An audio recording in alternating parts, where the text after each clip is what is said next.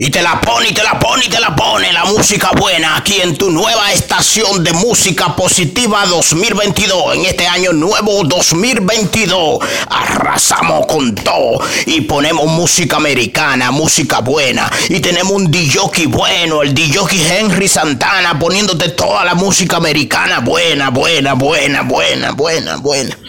Muchas gracias Control Master. Pero en este momento... Vamos a hacer una pauta, porque no todo es música. Yo le coloco a ustedes mucha música americana, pero no todo es música. También usted tiene que sentarse a escuchar eh, también los comentarios, los comentarios que hacemos aquí en esta emisora, en esta estación de música americana positiva 2022. Oigan lo que tenemos aquí. Binden. Binden es, Biden es el presidente de los Estados Unidos. Biden anuncia nuevas medidas para luchar contra el avance de Omicron en Estados Unidos.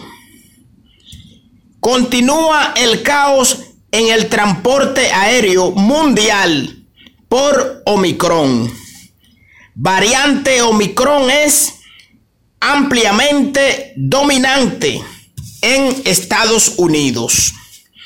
Y te la pone, y te la pone, y te la pone la música buena. Henry Santana colocándote música buena americana aquí en tu estación de música positiva 2022. Muchas gracias, Control Master. Continuamos. Los cambios que hizo Estados Unidos en medida para controlar el COVID-19. Los más, oiga, lo más llamativo son las modificaciones en el tiempo de aislamiento a quienes se contagien con el virus. Eso en Estados Unidos. COVID-19. La alerta de la OMS por la amenaza genera o gemela de Omicron y Delta y el tsunami de contagios que causa.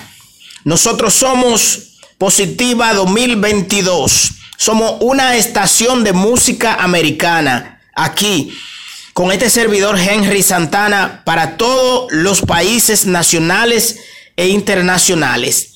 Así que no solamente es música americana lo que ponemos, también buenas informaciones en cuanto a todo lo que tenga que ver con la, vida del día a día, especialmente el Omicron en los Estados Unidos y también inmigraciones.